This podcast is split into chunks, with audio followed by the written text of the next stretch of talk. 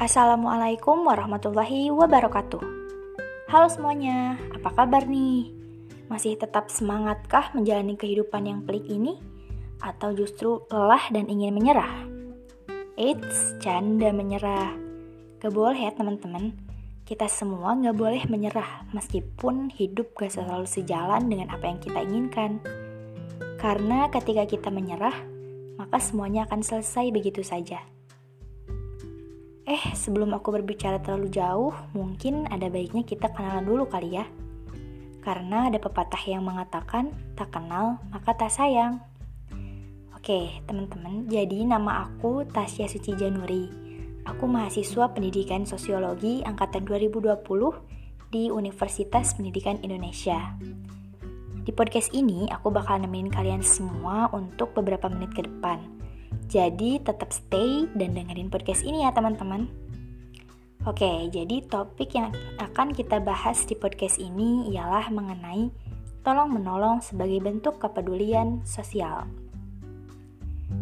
Dewasa ini tidak dapat dipungkiri nih teman-teman bahwa masih banyak ditemui kebiasaan-kebiasaan kecil masyarakat kita yang dapat mengikis kepedulian kita terhadap sesama. Banyak faktor yang mempengaruhinya, Salah satunya dampak dari kemajuan teknologi. Seperti misalnya, dengan adanya gadget, membuat manusia hanya berfokus pada gadgetnya dan tidak mempedulikan lingkungan sosial mereka.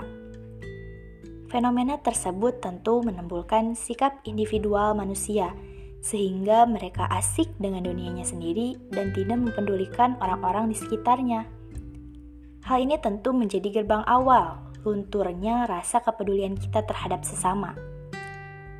Coba teman-teman bayangin, ketika ada seseorang yang mengalami kecelakaan dan orang-orang yang lainnya malah mengabaikan, tidak mempedulikan, atau egois, apa yang akan terjadi?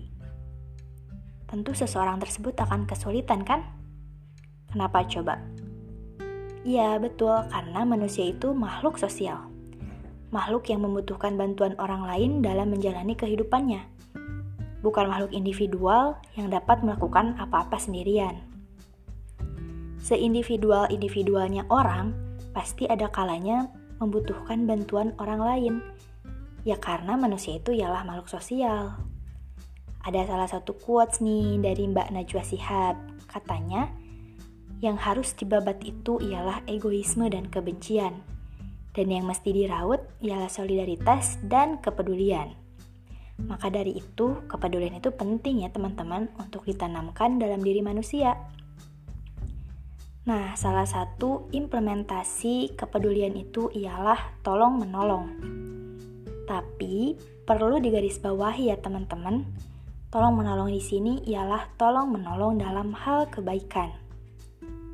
Ketika kita memiliki rasa kepedulian, tentu kita akan menolong orang-orang yang sedang membutuhkan bantuan, bukan? Lagi pula, teman-teman, menolong seseorang itu tidak akan mendatangkan kerugian, tetapi justru dapat menjadi investasi di masa depan. Menolong seseorang itu suatu kebaikan yang tentunya dapat menjadi pahala jika dilakukan dengan keikhlasan. Nah, tolong menolong ini bisa kita aplikasikan di masa sekarang ini nih teman-teman di mana negeri kita tercinta, negeri Indonesia, sedang dilanda berbagai cobaan. Mulai dari pandemik virus corona yang belum juga usai, longsor di Sumedang, Jawa Barat, banjir di Kalimantan Selatan, gempa di Sulawesi Barat, erupsi Gunung Semeru, dan lain sebagainya. Yang mana fenomena-fenomena tersebut tentu sangat berdampak pada kehidupan masyarakat dan bahkan merenggut banyak korban jiwa. Keadaan ini tentu memicu rasa kepedulian serta empati kita selaku manusia untuk mengulurkan bantuan, menolong mereka yang sedang mengalami kesusahan.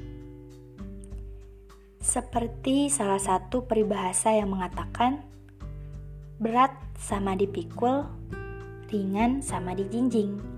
aku pikir peribahasa itu sangat tepat untuk kita aplikasikan dalam mengatasi fenomena-fenomena yang terjadi di Indonesia ini. Banyak cara yang dapat dilakukan untuk menolong dan meringankan beban mereka.